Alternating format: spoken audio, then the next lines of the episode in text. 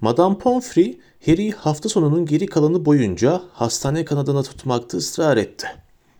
Harry karşı gelmedi. Şikayet etmedi. Ama Nimbus 2000'inin un ufak artıklarını atmasına da izin vermedi. Aptallık ettiğini biliyordu. Nimbus'un artık onarılamaz halde olduğunu biliyordu. Ama Harry'nin elinde değildi. Kendini sanki en iyi arkadaşlarından birini kaybetmiş gibi hissediyordu. Bir ziyaretçi eline boğuldu. Hepsi de onu neşelendirmekte kararlıydı. Hagrid sarı lahanaya benzeyen bir demet kulağa kaçan çiçeğe gönderdi. Ginny Weasley ise fena halde kızararak elinde kendi yaptığı bir geçmiş olsun kartıyla geldi. Kart, Harry onu meyve çanağında kapalı tutmadığı sürece tiz bir sesle şarkı söylüyordu. Gryffindor takımı pazar sabahı onu yine ziyaret etti. Bu defa Wood dayanlarındaydı ve Harry ruhsuz, ölü gibi bir sesle onu hiç suçlamadığını söyledi. Ron ve Hermione Harry'nin başucundan ancak geceleri ayrılıyorlardı. Ama kim ne derse desin Harry kendini daha iyi hissetmiyordu. Çünkü onların bilmediği bir derdi daha vardı. Kimseye ecelden bahsetmemişti. Ron'la Hermione'ye bile. Çünkü Ron'un paniğe kapılacağını, Hermione'nin ise alay edeceğini biliyordu. Öte yandan Ecel'in iki kez göründüğü ve iki seferde de bunu neredeyse ölümcül kazaların izlediği de bir gerçekti. İlk seferinde az kalsın Hızır otobüsün altında kalıyordu. İkincisinde ise 15 metre yükseklikteyken süpürgesinden düşmüştü. Ecel o gerçekten ölene kadar ona musallat mı olacaktı? Hayatının geri kalanını hayvan orada mı diye sürekli omzunun üstünden bakarak mı geçirecekti? Sonra bir de ruh emiciler vardı. Harry onlar hakkında her düşündüğünde kendini hasta gibi ve aşağılanmış hissediyordu. Herkes ruh emicilerin dehşet verici olduğunu söylüyordu ama ondan başka kimse bir ruh emici yaklaştığında bayılmıyordu. Başka kimse kafasının içinde annesinin ölürken attığı çığlıkları duymuyordu. Harry artık o çığlık atan sesin kime ait olduğunu biliyordu. Hastane kanadında geceleri uyanık halde yatağında uzanmış, tavandaki ay ışığı hüzmelerine bakarken annesinin ağzından çıkan sözcükleri tekrar tekrar duymuştu. Ruh emiciler ona yaklaştığında annesinin yaşamının son anlarını, Harry'i Lord Voldemort'tan koruma çabalarını ve Voldemort'un annesini öldürmeden hemen önce attığı kahkahayı duyuyordu.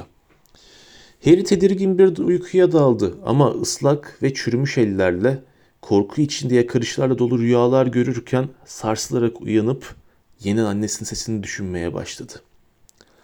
Pazartesi günkü okulun gürültüsüne patırtısına dönmek çok rahatlatıcı olmuştu. Her ne kadar Malfoy'un sataşmalarına katlanmak zorunda kalsa da hiç olmazsa oradayken kafası başka şeylerle meşgul oluyordu. Malfoy Gryffindor'un yenilgisinden dolayı adeta sevinçten uçuyordu. Nihayet bandajlarını çıkarmıştı ve her iki kolunu da kullanabilir hale gelmesini Harry'nin süpürgesinden düşüşünün coşkulu taklitleriyle kutluyordu. Düşüşünün coşkulu taklitleri bir yana Malfoy bir sonraki iksir dersinin büyük bir bölümünü zindanın öbür ucundan ruh emici taklitleri yaparak geçirdi. Sonunda tepesi atan Ron Malfoy'a büyük kaygan bir timsah kalbi fırlatıp suratına isabet ettirince Snape Gryffindor'dan 50 puan indirdi. Karanlık sanatlara karşı savunmaya yine Snape giriyorsa ben hastayım deyip izin alıyorum dedi Ron. Öğle yemeğinden sonra Lupin'in sınıfına giderlerken. Hermione bir baksana içeride kim var? Hermione sınıfın kapısından başını uzatıp içeriye baktı. Her şey yolunda. Profesör Lupin yeniden işinin başındaydı. Gerçekten de hastalıktan yeni kalkmış gibi görünüyordu. Eski püskü cübbesi üstünden daha da sarkıyordu ve gözlerinin altında kara gölgeler vardı. Ama yine de öğrenciler yerlerine otururken onlara gülümsedi. Herkes bir ağızdan Lupin hastayken Snape'in onlara neler yaptığından yakınmaya başladı.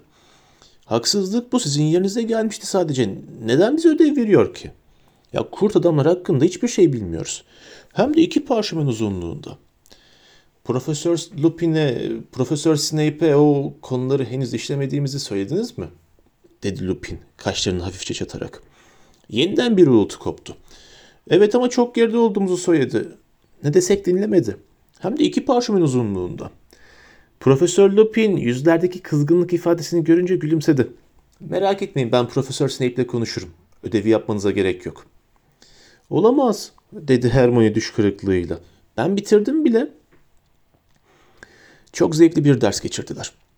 Profesör Lupin cam bir kabın içinde bir hin zıpır getirmişti. Bu minik, tek bacaklı ve duman büklümlerinden yapılmış gibi duran yaratığın oldukça çelimsiz ve zararsız bir görünümü vardı.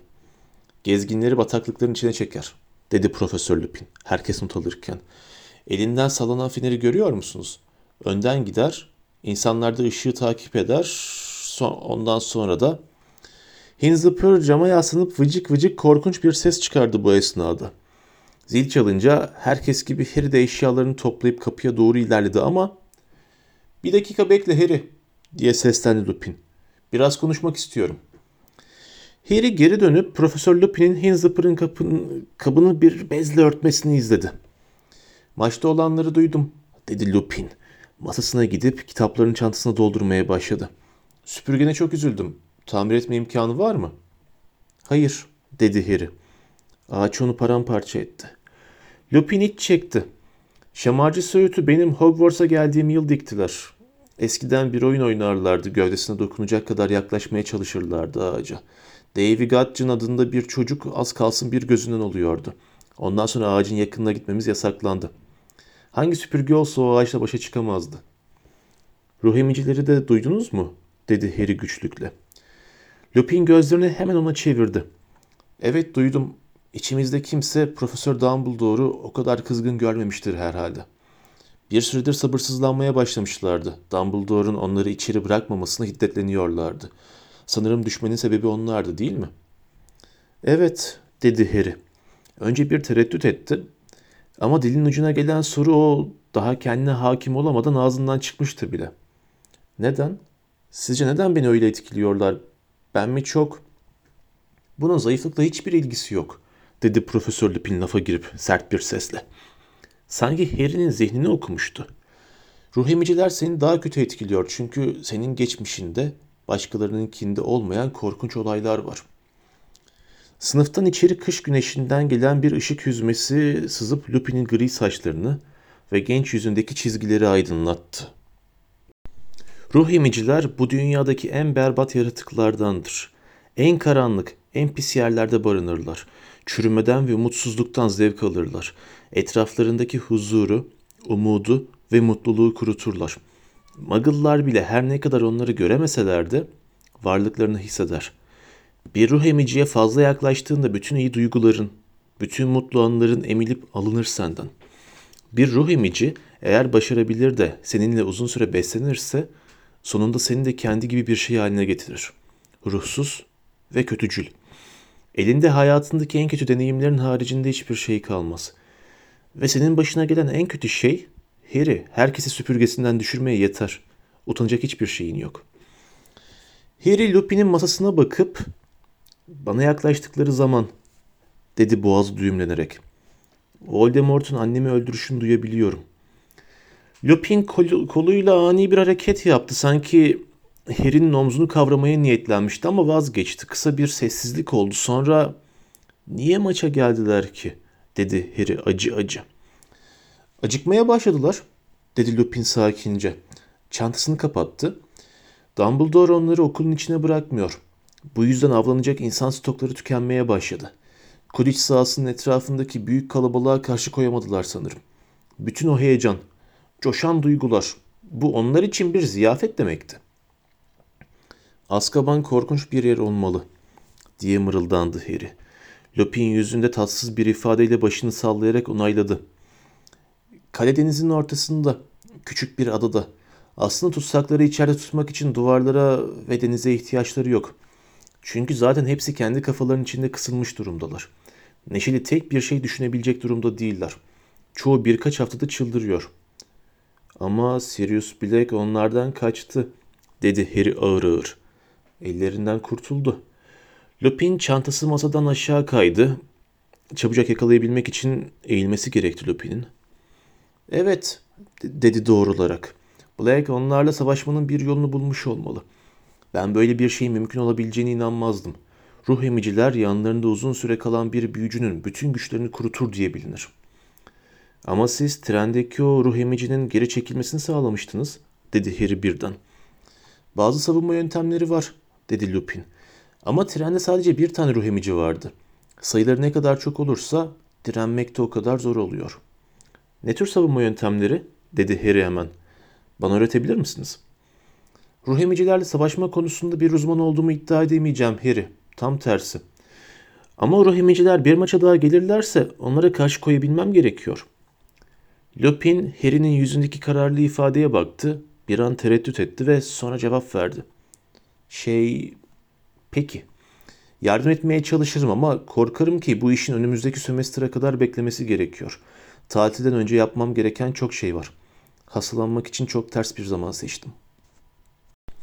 Lupin'in ruh emici savuşturma dersleri vaadi, annesinin ölümünü bir daha hiç duymayabileceği düşüncesi ve Kasım sonundaki maçta Ravenclaw'un hafıl pafı ezip geçmesi sayesinde Harry'nin ruh hali iyiye doğru büyük bir değişim gösterdi. Gryffindor gerçekten de kupa şansını yitirmemişti. Ama bir maç daha kaybetmek gibi bir lüksleri de yoktu.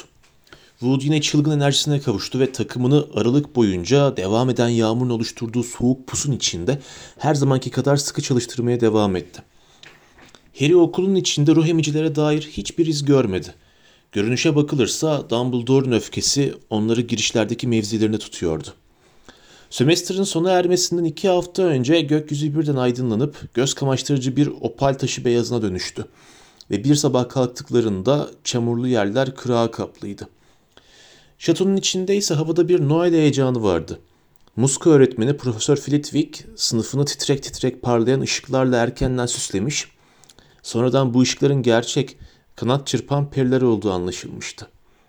Öğrencilerin hepsi mutlu mutlu tatil planlarını tartışıyorlardı. Hem Ron hem de Hermione Hogwarts'ta kalmaya karar vermişti. Her ne kadar Ron bunu Percy ile iki hafta daha geçirmeye katılamayacağından yaptığını ileri sürse, Hermione de kütüphaneyi kullanması gerektiği konusunda ısrar etse bile Harry kalmamıştı.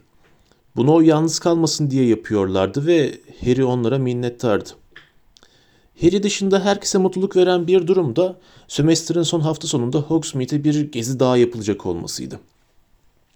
Bütün Noel alışverişimizi oradan yapabiliriz, dedi Hermione. Bal yumruktaki o diş temizleyici ipli laleler annemle babamın çok hoşuna giderdi. Bir kez daha arkada kalan tek üçüncü sınıf öğrencisinin kendisi olacağı gerçeğine boyun eğen Harry, Wood'dan hangi süpürge adındaki kitabı aldı ve günün geri kalanını çeşitli markalar hakkında enine boyuna okuyarak geçirdi. Takım antrenmanlarında okul süpürgelerinden birini çok eski bir kayan yıldızı kullanıyordu. O süpürge çok yavaş ve sarsıntılıydı. Kesinlikle yeni bir süpürgeye ihtiyacı vardı. Hogsmeade gezisinin yapılacağı cumartesi sabahı Harry pelerinlere ve atkılara sarılmış olan Ron'la Hermione'ye güle güle dedi ve dönüp tek başına mermer merdivenden çıkarak Gryffindor Kulesi'nin yolunu tuttu. Dışarıda kar yağmaya başlamıştı. Şato çok sessiz ve sakindi. Pişt pişt. Harry. Üçüncü kat koridorun yarısındayken arkasını döndü. Fred ve George Kambur tek gözlü bir cadı heykelinin arkasına ona bakıyorlardı. Ne yapıyorsunuz? dedi Harry merakla. Niye Hogsmeade'e gitmiyorsunuz? Gitmeden önce sana biraz bayram neşesi vermeye geldik, dedi Fred. Esrarengiz bir şekilde göz kırparak. İçeri gel. Başıyla tek gözlü heykelin sol tarafındaki boş bir sınıfı gösterdi. Harry Fred'le George'un peşinden içeri girdi. George kapıyı sessizce kapattı ve dönüp Harry'e gülümseyerek baktı.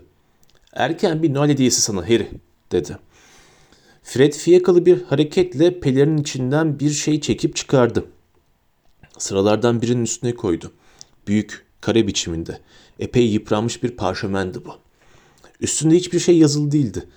Harry bunun Fred'le George'un şakalarından biri olmasından şüphelenerek onlara baktı. Bu ne ki böyle?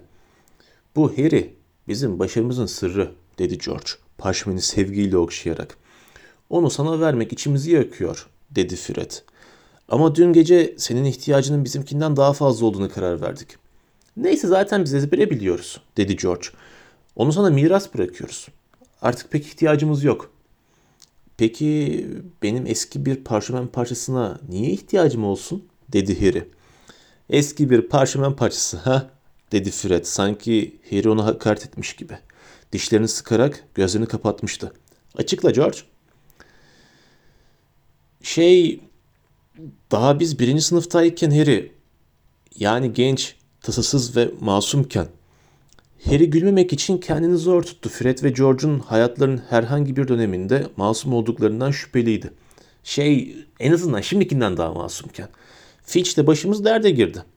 Ya koridorda bir tezek bombası patlattık ve nedense bu onu sinirlendirdi. O da bizi odasına götürüp her zamanki tehditlerini savurmaya başladı. Yok cezaya bırakma, karın deşme. Biz de dosya dolaplarından birindeki el koyulmuş ve çok tehlikeli olarak etiketlenmiş bir çekmecenin farkına varmadan edemedik.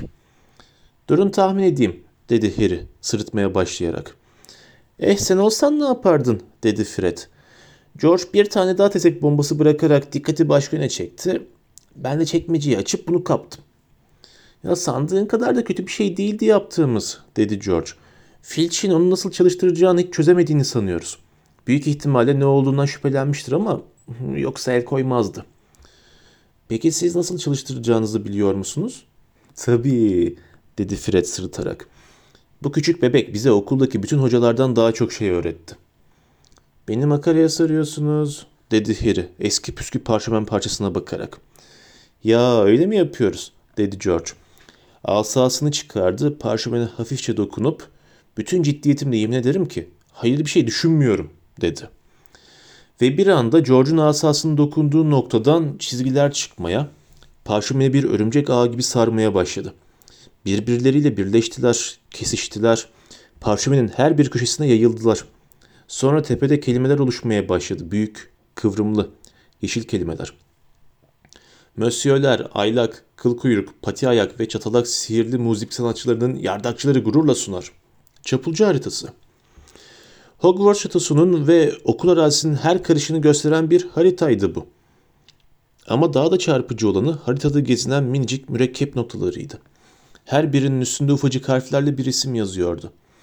Harry şaşkına dönmüş bir halde eğilip daha yakından baktı. Sol üst köşedeki bir nokta Profesör Dumbledore'un çalışma odasında bir aşağı bir yukarı yürüdüğünü gösteriyordu. Hademenin kedisi Bayan Norris ikinci katta dolanıyordu.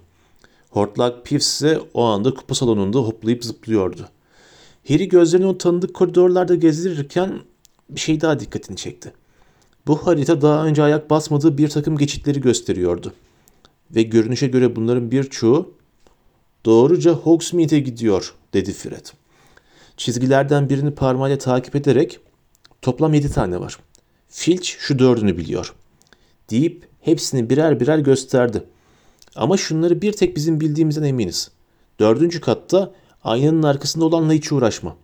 Geçen kışa kadar kullanıyorduk ama çöktü. Tamamen kapanmış durumda. Bunuysa kimsenin kullanmadığını sanıyoruz. Çünkü girişinin tam üstünde şemacı söğüt var. Ama şuradaki doğruca bal yumruğun kilerine çıkıyor. Defalarca kullandık. Ve fark ettiysen girişi bu odanın hemen dışında. Tek gözlü koca karının kamburunun içinden. Aylak, kıl kuyruk, pati ayak ve çatalak dedi George iç geçirerek. Haritanın tepesindeki yazıyı okşadı. Onlara çok şey borçluyuz. Yeni kuşak kural yıkıcılara yardım etmek için yorulmaksızın çalışmış soylu insanlar dedi Fred vakur bir edayla. Pekala pekala diye toparlandı George. Kullandıktan sonra silmeyi unutma. Yoksa herkes okuyabilir dedi Fred uyaran bir ses tonuyla. Tek yapman gereken asanla yine tıklayıp muziplik tamamlandı demek. Üstü hemen bomboş olacak. Evet genç Harry dedi Fred olağanüstü bir Percy taklidiyle. Terbiyeni takın. Bal yumrukta görüşürüz dedi George göz kırparak. İkisi de tatmin olmuş gibisinden sırıtarak odadan çıktılar. Harry orada durup mucizevi haritaya baka kaldı. Minicik mürekkepten Bayan Norris'in sola dönüp yerdeki bir şeyi koklayışını izledi. Filch'in gerçekten de haberi yoksa ruh emicilerin yanından geçmesi gerekmeyecekti bile. Ama orada öylece heyecan içine dururken Bay Weasley'nin bir keresinde söylediği bir şey anıların arasından süzülüp geldi. Kendi kendine düşünebilen bir şeye beyninin nerede saklı olduğunu göremiyorsan güvenme. Bu harita Bay Weasley'nin dikkat edilmesi gerektiğini söylediği o tehlikeli sihirli nesnelerdendi. Sihirli muziplik sanatçıların yardakçıları. Ama sonra Harry haritayı sadece Hogsmeade'e gitmekte kullanacağını düşündü. Bir şey çalacak ya da birine saldıracak değildi ya. Üstelik Fred ve George onu yıllardır kullanıyorlardı. Başlarına da korkunç bir şey gelmemişti.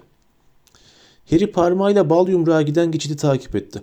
Sonra haritayı sanki bir emre uyarmış gibi birdenbire kıvırdı, cübbesinin içine soktu ve hızla sınıfın kapısına doğru ilerledi. Kapıyı birkaç santim araladı, dışarıda kimse yoktu. Çok temkinli bir şekilde sınıftan yavaşça çıktı ve tek gözlü cadının heykelinin arkasına geçti. Ne yapması gerekiyordu? Haritayı yeniden çıkardı ve büyük bir hayretle üzerinde yeni bir mürekkep şekli olduğunu gördü. Harry Potter yazıyordu. Bu şekil tam Harry'nin durduğu noktada, üçüncü kat koridorunun yarısına yakın bir yerde duruyordu. Harry dikkatle baktı. Kendinin küçük mürekkep temsili minnacık asasıyla cadıya tıklıyor gibiydi. Harry hemen gerçek asasını çıkardı ve heykele tıkladı. Hiçbir şey olmadı. Yine haritaya baktı. Şeklinin üstünde olabilecek en küçük konuşma balonu belirmişti. İçinde Disendium yazıyordu.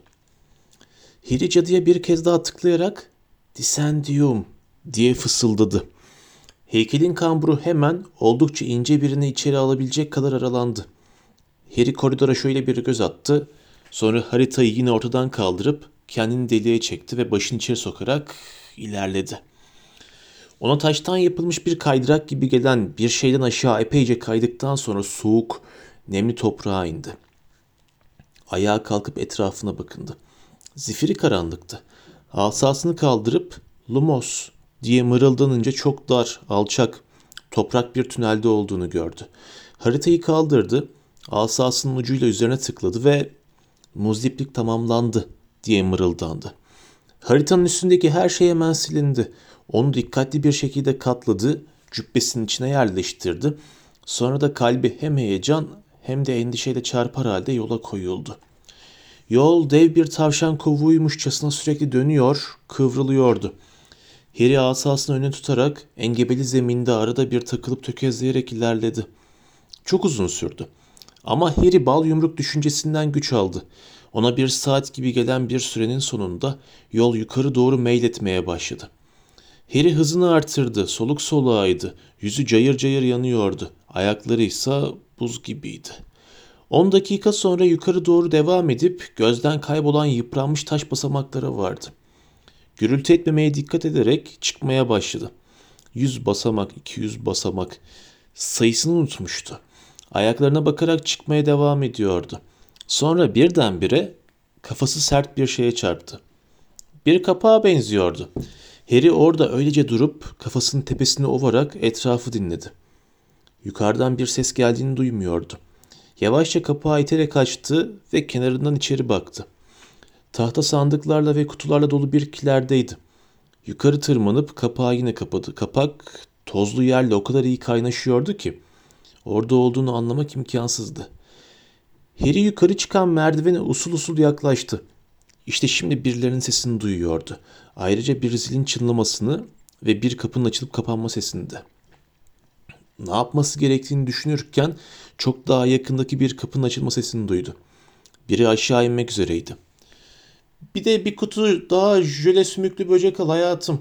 Neredeyse hepsini bitirdiler, dedi bir kadın sesi. Bir çift ayak merdivenden aşağı iniyordu. Harry kendini çok büyük bir sandığın arkasına atarak ayak seslerinin kesilmesini bekledi. Adamın karşı duvarın orada kutuları karıştırdığını duyuyordu. Bir daha fırsat gelmeyebilirdi.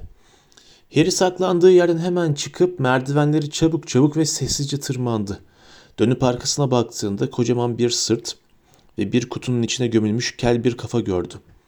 Merdivenlerin sonundaki kapıya ulaştı. Aralığından usulca geçti ve kendini bal yumruk tezgahının arkasında buldu. Eğildi, yan yan gitti ve sonra doğrulup ayağa dikildi. Bal yumruk Hogwarts öğrencileriyle öylesine doluydu ki kimse Harry'e ikinci bir kez dönüp bakmadı bile. Harry etrafını seyrederek ite kaka aralarından ilerledi. Şimdi nerede olduğunu görse Dudley'nin domuz suratına yayılacak ifadeyi düşündüğünde gülmemek için kendini zor tuttu. Akla gelebilecek en ağız sulandırıcı tatlılarla dolu yığınla raf vardı. Kaymak gibi nugat topları, ışıldayan pembe Hindistan cevizi buzu küpleri, tombul, bal renkli karamelalar, itinayla dizilmiş yüzlerce çeşit çikolata, koca bir fıçı dolusu bin bir çeşit fasulye şekerlemesi vardı. Başka bir fıçı ise daha önce Ron'un bahsettiği fışırdayan vızvızlar adındaki ayakları yerden kesen şerbet topları tıka basa doluydu. Başka bir duvarda özel efekt tatlıları duruyordu.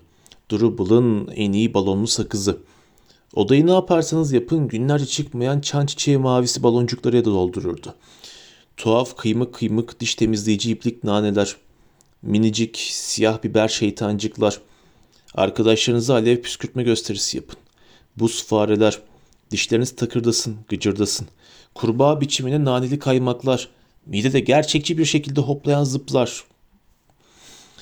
Şeker kaplı kırılgan tüy kalemler ve patlayan bonbonlar.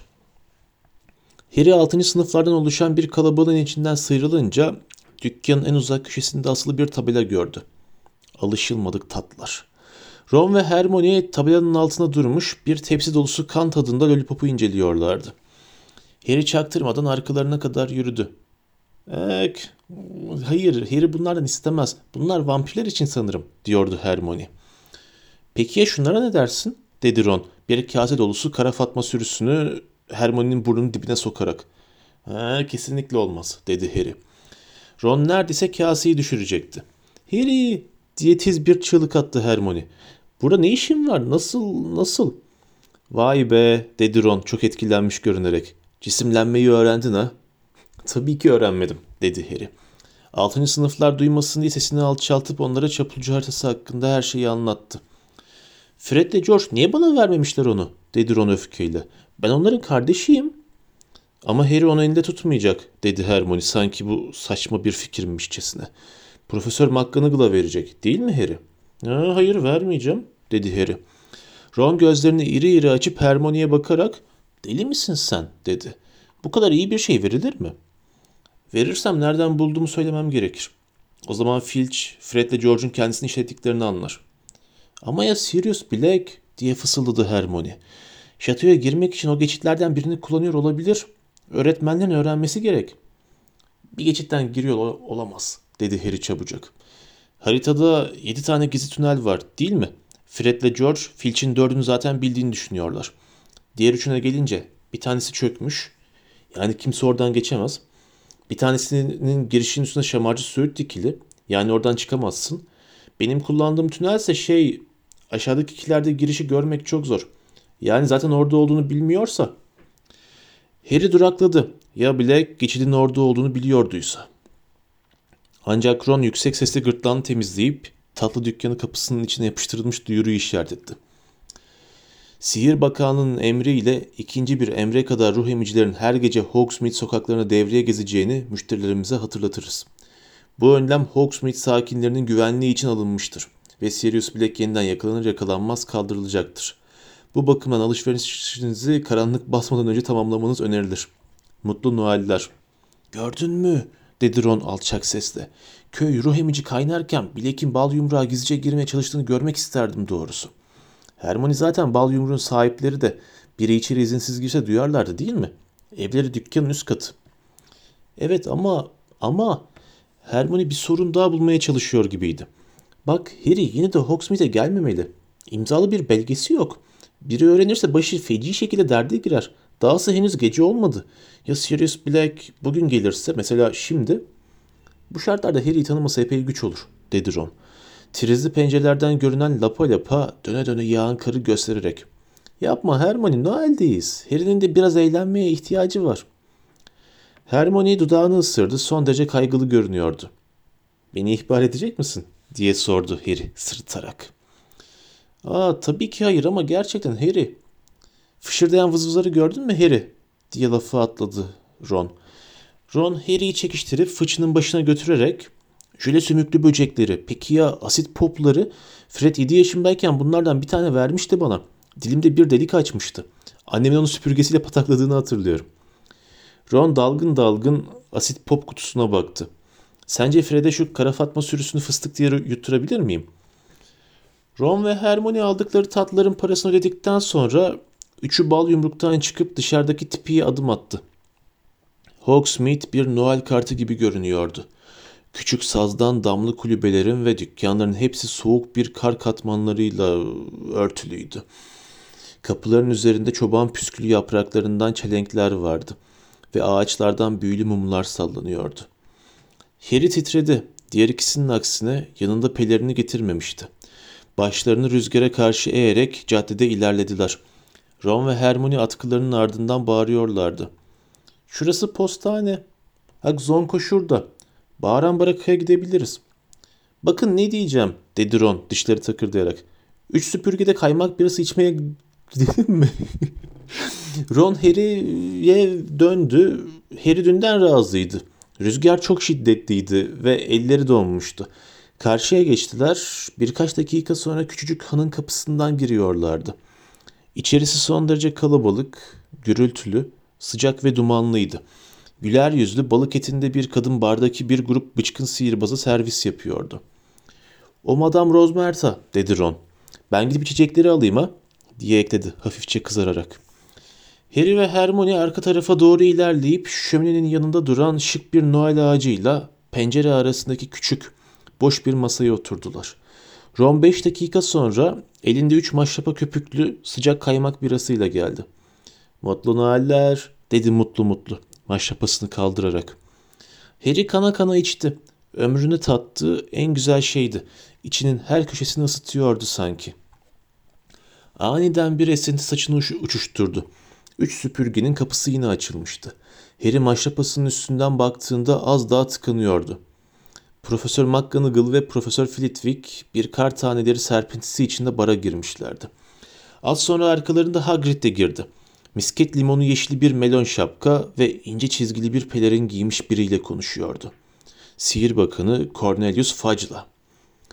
Ron ve Hermione hemen elleriyle Harry'nin başının üstüne bastırıp onu taburesinden indirerek masanın altına itmişlerdi. Üstünden kaymak birası damlayan ve saklanmaya çalışan Harry, boş maşrapasını tutup öğretmenlerin ve Fudge'in ayaklarını izledi. Bara doğru ilerlediler, durdular, sonra da dönüp tam ona doğru yürüdüler. Tepesinde bir yerde Hermione, mobilyarbus diye fısıldadı. Masalarının yanındaki Noel ağacı yerden birkaç santim havalandı, yana doğru süzüldü ve hafif bir pat sesiyle masalarının tam önüne inip onları gözden sakladı. Alttaki sık dalların arasından bakan Harry tam yanlarındaki masada dört takım sandalye bacağının hareket ettiğini gördü. Sonra da yerlerine oturan öğretmenlerin ve bakın oflayıp puflamalarını duydu. Sonra parlak turkuaz renkli, yüksek topuklu ayakkabılar giymiş bir çift ayak daha gördü ve bir kadın sesi duydu. Küçük boy, küçük boy solungaç suyu. Benim, dedi Profesör McGonagall'ın sesi. İki litre şekerli içki. Eyvallah Rozmerta, dedi Hagrid. Vişne şurubu ve soda, buzlu ve şemsiyeli. Hmm, yaptı Profesör Flitwick ağzını şapırdatarak. O halde Frank üzümü romu sizin bakan bey. Teşekkürler Rozmertacığım, dedi Fudge'ın sesi. Seni yeniden görmek çok güzel. Sen de bir tane al olur mu? Gel bize katıl. Çok teşekkür ederim bakan bey. Harry ışıl ışıl topukların uzaklaşmasını, sonra da geri gelmesini izledi. Kalbi gırtlağında rahatsız edici bir şekilde atıyordu. Niye bunun öğretmenleri içinde son hafta sonu olduğu aklına gelmemişti ki? Ve acaba orada ne kadar oturacaklardı? Gece okula dönecekse gizlice bal yumruğa girmek için zamana ihtiyacı vardı. Hermione'nin bacağı yine başını sinirle seyirdi. ''Ee sizi buralara getiren nedir bakan bey?'' dedi Rozmerta'nın sesi. Facın kalın bedeninin alt kısmı kulak misafiri var mı diye kontrol ediyormuş gibi sandalyesinde kıpırdandı. Sonra Fudge alçak sesle konuştu. Sirius Black'ten başka ne olabilir hayatım? Cadılar Bayramı'nda okulda ne olduğunu duymuşsundur herhalde. Bir söylenti duydum diye itiraf etti Madame Rosmerta. Bütün meyhaneyi anlattın mı Hagrid? dedi Profesör McGonagall öfkeli bir sesle. Blake'in hala buralarda olduğunu mu düşünüyorsunuz bakan bey? Diye fısıldadı Madame Rosmerta. Bundan eminim dedi Fudge kısaca. Ruh emicilerin meyhanemi iki kez aradığını biliyor musunuz? dedi Madame Rosmerta. Sesinde hafif bir kızgınlık vardı. Bütün müşterilerimi korkutup kaçırdılar. İş için hiç iyi değil bu bakan bey. Rosmerta hayatım ben de onlara bayılmıyorum dedi Fudge rahatsız bir sesle. Gerekli bir tedbir, talihsiz bir tedbir. Ama ne yapalım? Az önce birkaç tanesine rastladım. Dumbledore'a çok öfkeliler. Onları şatonun arazisinden içeri sokmuyor. Bence iyi ediyor, dedi Profesör McGonagall sert bir sesle. O dehşet yaratıklar ortada gezinirken nasıl ders verebiliriz ki? Doğru, diye cikledi ufak tefek Profesör Flitwick. Ayakları yerden 15-20 santim yukarıda sallanıyordu. Yine de diye itiraz etti Fudge. Sizi çok daha kötü bir şeyden korumak için buradalar. Hepimiz Blake'in neler yapabileceğini biliyoruz. Biliyor musunuz? Hala inanmakta güçlük çekiyorum, dedi Madame Rosemert'a düşünceli bir sesle. Karanlık yana geçenler arasında Sirius Black en son umacağım. Yani Hogwarts'ta küçük bir çocuk olduğu zamanlardan hatırlıyorum onu. O zaman bana büyüyünce ne olacağını söyleseniz fazla içki içmişsiniz derdim. Asıl önemli bölümünü bilmiyorsun Rosemerta dedi Fudge boğuk bir sesle. Yaptığı en kötü şey pek bilinmez. En kötüsü mü? dedi Madame Rosemerta. Sesi merakla canlanmıştı. O zavallı insanları öldürmekten daha mı kötü diyorsunuz? Kesinlikle öyle diyorum, dedi Fudge. Buna inanamam. Ondan kötü ne olabilir ki? Onu Hogwarts'ta olduğu zamandan hatırladığını söylüyorsun Rosemerta, diye mırıldandı Profesör McGonagall. En iyi arkadaşı kimdi? Onu da hatırlıyor musun? Elbette, dedi Madame Rosemerta hafifçe gülerek. Onları hiç ayrı göremezdiniz, öyle değil mi? Onları kaç kere burada ağırlamıştım. Nasıl da güldürürlerdi beni. Tam bir şovmen çiftti. Sirius Black ve James Potter. Harry maşrapasını büyük bir gürültüyle elinden düşürdü. Ron onu tekmeledi. Kesinlikle, dedi Profesör McGonagall. Black ve Potter. Küçük çetelerin elebaşlarıydı. İkisi de çok parlaktı. Tabii hatta ender görülür derecede parlaktılar. Ama onlar gibi baş belaları bir daha gelmemiştir herhalde. Bilemiyorum, dedi Hagrid gülerek. Fred ve George Weasley onlara kök söktürebilir. Blake ve Potter'ı kardeş sanabilirdiniz, diye konuşmaya katıldı Profesör Flitwick. Yapışık ikizdiler. Elbette öyleydiler, dedi Fudge. Potter bütün o arkadaşlarından çok Blake'e güvenirdi. Okulu bitirdikten sonra da bir şey değişmedi. James Lily ile evlendiğinde sağdışları Blake'ti. Sonra onu Harry'e vaftiz babası yaptılar. Harry'nin bundan hiç haberi yok tabii. Bu fikir onu nasıl mahvederdi tahmin edersiniz. Black kim olduğunu bilirsin sene katıldığı için mi? diye fısıldadı Madame Rosemert'a. Ondan da kötü hayatım. Fudge sesin neredeyse duyulmayacak kadar alçaltıp devam etti. Potter'ların kim olduğunu bilirsin senin peşlerinde olduğunu bildiklerinden çoğu kişinin haberi yoktur. Kim olduğunu bilirsin sene karşı yorulmaksızın çalışan Dumbledore'un birkaç tane işe yarar casusu vardı. İçlerinden biri ona bunu çıtlatmış. O da James ile Lily'yi hemen uyarmıştı. Onlara saklanmalarını tavsiye etti. Eh tabii ki kim olduğunu bilirsin senden saklanmak zordu. Dumbledore onlara en büyük şanslarının Fidelius büyüsü olduğunu söyledi. Nasıl bir büyü o? dedi Madame Rosemert'a. Meraktan soluğu kesilmişti. Profesör Flitwick gırtlağını temizledi. Fevkalade karmaşık bir büyü, dedi cik cik bir sesle. Bir sırrın yaşayan tek bir kişinin içine büyülü bir şekilde gizlenip mühürlenmesine yarıyor.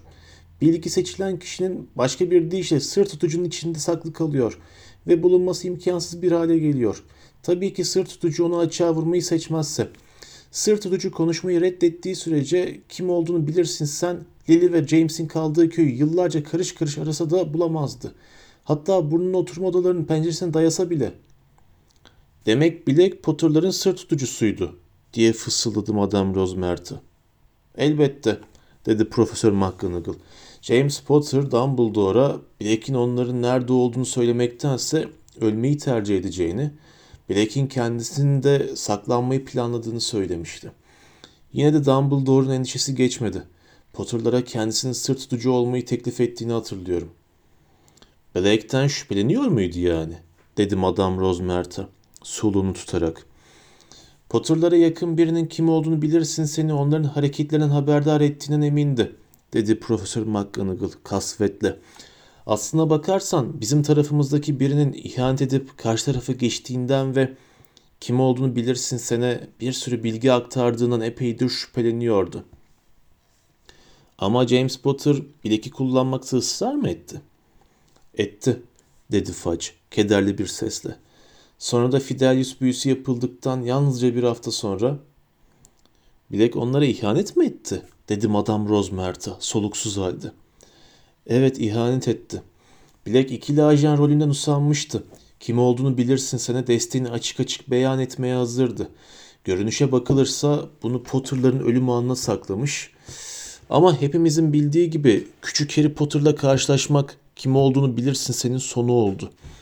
Güçleri gitti. Feci halde zayıfladı ve kaçtı. Bu da Blake'i gerçekten çok kötü bir durumda bıraktı. Efendisi tam da onun yani Blake'in gerçek rengini gösterip bir hain olduğunu açık ettiğinde yenilmişti. Kaçmaktan başka şansı yoktu. Pis, iğrenç dönek dedi Hagrid. Bunu öyle yüksek sesle söylemişti ki barın yarısı susmuştu. Yaptı Profesör McGonagall onu susturdu. Ona rastlamıştım diye gürledi Hagrid. Bütün o insanları öldürmeden önce son ben görmüşümdür onu herhalde. Lily ve James öldürüldükten sonra Harry'i o evden kurtaran bendim. Harabenin içinden çektim aldım onu. Zavallı küçük şey. Alnında koca bir kesik vardı. Annesi babası ölmüştü. Ne oluyor o uçan motorun üstünde Sirius Black geliyor. Orada ne aradığı hiç aklıma gelmemişti. Onun Lily ve James Potter'ın sır tutucusu olduğunu bilmiyordum. Haberlerde kim olduğunu bilirsin senin saldırısını duydu da yapabileceği bir şey var mı diye bakmaya geldi sandım. Bembeyaz kesilmişti. Tir tir titriyordu.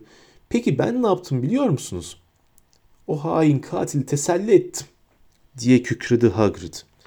Hagrid lütfen dedi Profesör McGonagall. Sesine hakim ol. Üzüldüğü şeyin Lily ve James Potter olmadığını ne bilecektim ki? Asıl kim olduğunu bilirsin sana önem verdiğini. Sonra bir de kalkıp Harry'i bana ver Hagrid ben onun vaftiz babasıyım ona bakarım diyor. Pöh ama ben Dumbledore'dan emin, emir almıştım. Blake'e olmaz dedim. Dumbledore Harry'nin teyzesiyle eniştesinin evine götürülmesini söylemişti. Blake karşı geldi ama sonunda razı oldu. Motorunu alıp Harry'i oraya onunla götürmemi istedi.